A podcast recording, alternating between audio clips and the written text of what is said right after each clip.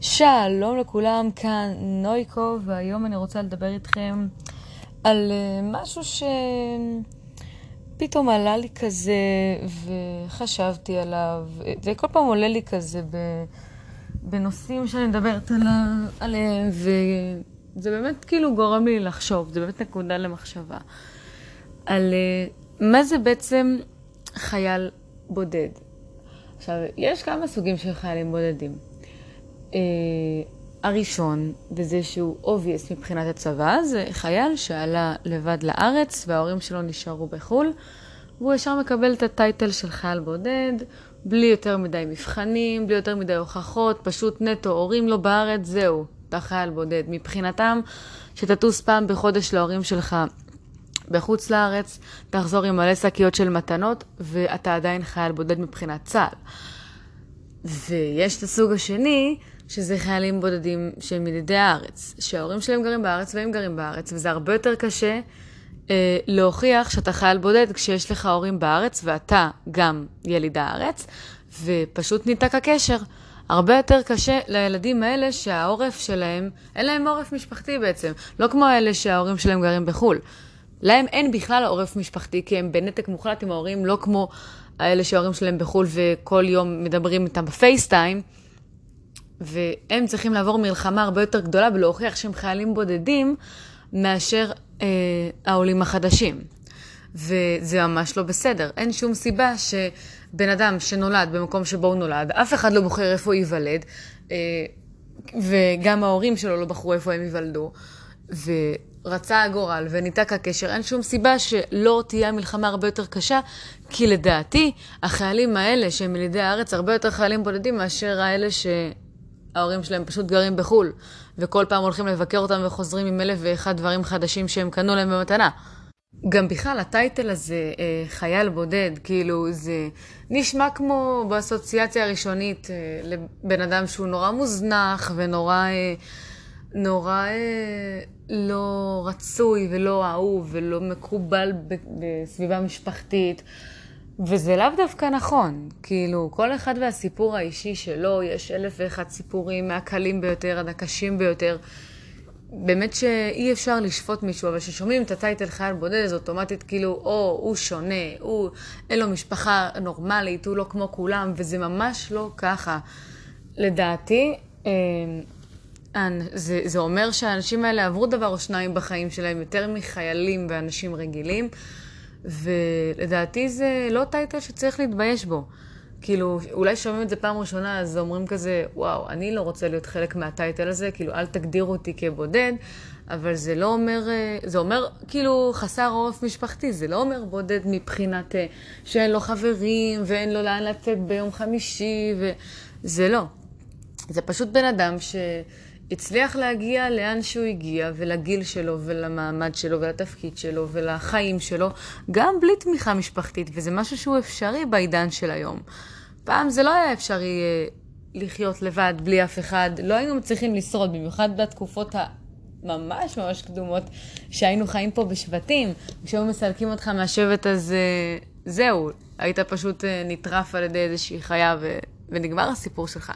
אבל היום אפשר להחזיק חיים מאוד מאוד, אה, מאוד מאוד טובים ויפים וצבעוניים ונהדרים, גם בלי, אה, גם בלי משהו כזה כמו גב שנקרא משפחה, כאילו, ואנשים פה הם סיפורי הצלחה. אפילו יותר מאנשים שיש להם משפחה. כי תמיד המשפחה מגוננת ולא רוצה שתפרוץ את הגבולות שלך ותגיע לקצה גבול היכולת ותנסה דברים חדשים, היא מפחדת עליך, ודווקא אנשים שכן מעזים וכן אמיצים וכן אה, מנסים וטועים בדרך ומפשלים ובסוף מצליחים, הם דווקא האנשים היותר מוצלחים מהאנשים שסתם נשארים בבית כי המשפחה שלהם מפחדת עליהם שהם יצאו החוצה, או שגורמת להם לפחד לצאת החוצה. כאילו, דווקא לדעתי האנשים האלה הם הרבה יותר הם, איכותיים, כי הם למדו להסתדר בכוחות עצמם, וזה משהו שהוא לא טריוויאלי. אף אחד לא אוהב להיות לבד אה, לגמרי ולנסות אה, להתמודד עם השיט שלו בעצמו, כמו שאומרים. כולנו אוהבים שיש איזה מישהו שעוזר לנו ותומך בנו, אבל יש אנשים שזאת המציאות שלהם, וזה מה שנפל עליהם, ולדעתי זו פשוט גדולה ש... אה, שהם מראים שפשוט אפשר לעשות את זה. אפשר לקיים את החיים האלה גם לבד באיזשהו מובן, וככל שעובר הזמן אתה לומד כמה, כמה אתה יותר ויותר חזק וכמה תעצומות נפש יש לך וכמה אתה מסוגל להכיל ולספוג ולהתמודד אה, עם דברים שאנשים לא היו מתמודדים, וזה גם מבגר אותך הרבה יותר. אתה רואה אנשים שבוכים על זה שהם לא הולכים עכשיו לראות את ההורים שלהם שלושה ימים, או לצורך העניין, הם הולכים לסגור שבת בטירונות, אז הם בוכים שהם לא יראו את ההורים שלהם, ואתה כאילו, fuck, כאילו, אני, אני לא רואה את ההורים שלי כבר אה, אלף שנה בערך, וזה לא מזיז לי, כאילו, אתה, אתה מתבגר הרבה יותר, אתה לומד את החיים הרבה יותר, אתה מצליח להתמודד לבד עם דברים שאנשים לא היו מסוגלים והיו מתפרקים בדרך. אתה פשוט לומד להיות זן הרבה יותר חזק ואיכותי של, של בן אדם, ושלא תבינו שלא נכון, אני לא אומרת שמשפחה זה, זה אה, תוקע אותך וזה אה, הופך אותך לבן אדם יותר ילדותי ופחות עצמאי ופחות זה, אבל באיזשהו מובנים זה גם נכון.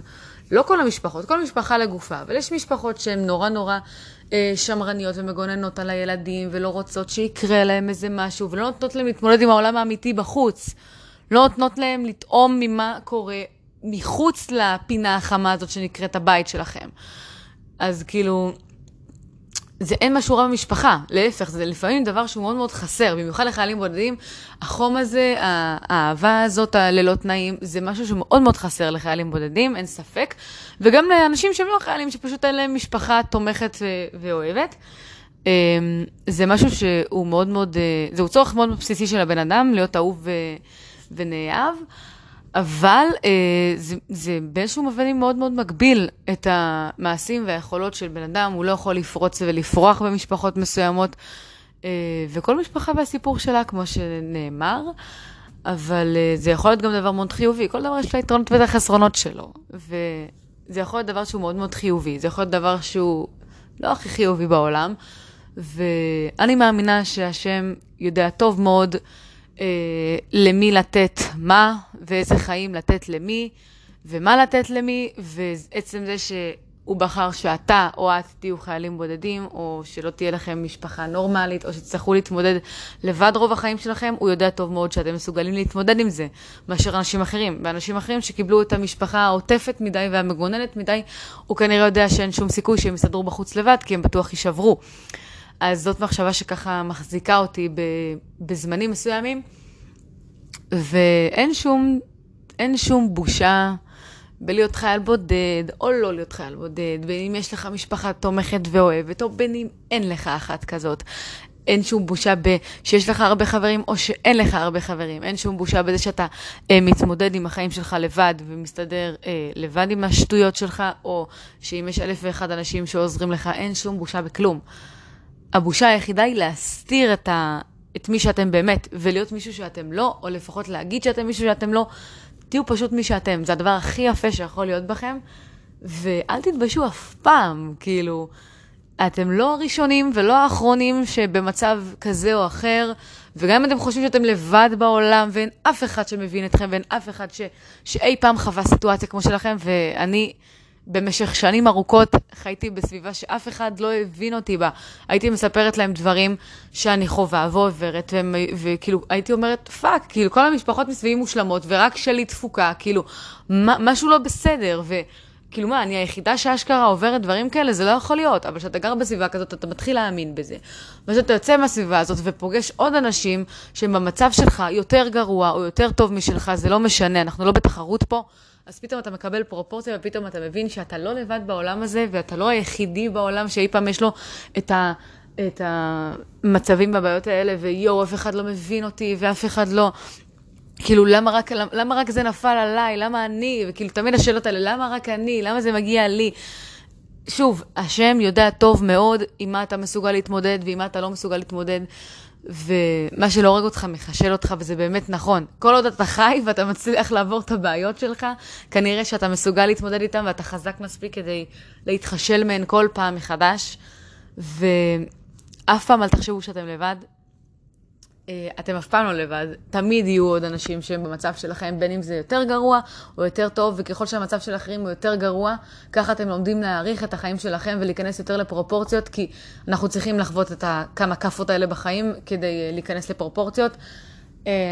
אני יכולה לתת לכם דוגמה על זה שפעם אחת אני הלכתי עם אימא שלי, כשהיא עוד הייתה חולה אה, במחלה שלה, שלא אציין את שמה, אבל כולנו יודעים על איזה מחלה מדובר, זאת המחלה הקשה ביותר שקיימת. אה, הלכנו אה, באחד החגים, לדעתי זה היה בחנוכה או בפורים, אה, ופשוט כאילו לפני זה קנינו כל מיני אה, גומי, ממתקי גומי, שמנו אותם על שיפודים, הדפסנו ברכות, נעילנו את הכל, אה, והלכנו לבית חולים לילדים באיכילוב, ויש את המחלקה של הילדים, ופשוט הלכנו לחלק את הדברים האלה לקראת החג לילדים, וראינו מראות מזעזעים. ואימא שלי בתור חולה, באותה מחלה של הילדים האלה, שאלה את הפקידות בקבלה באיזה אזורים מותר לה להסתובב, כי אה, שלא יהיה איזושהי סכנה לבריאות שלה, כי היא גם חולה בזה. שתבינו כמה אישה מלאך הבן אדם הזה. ופשוט הלכנו, ו... וראיתי את הילדים האלה, עכשיו ילדים בני חצי שנה, בני שנה, בני כמה חודשים, בני כמה ימים, בני כמה שנים, אתה רואה ואתה נכנס לפרופורציות על החיים שלך ברמה מטלטלת, כאילו, אתה מבין כמה שהבריאות זה הדבר הכי חשוב, הבריאות והאמונה. יותר נכון, האמונה והבריאות, זה הדבר הכי חשוב בחיים. הכי חשוב. כל השאר כבר יבוא לבד, כל השאר זה הבל הבלים. כסף, לא כסף, הצלחה, לא הצלחה, תעודה, לא תעודה. הכל זה שטויות.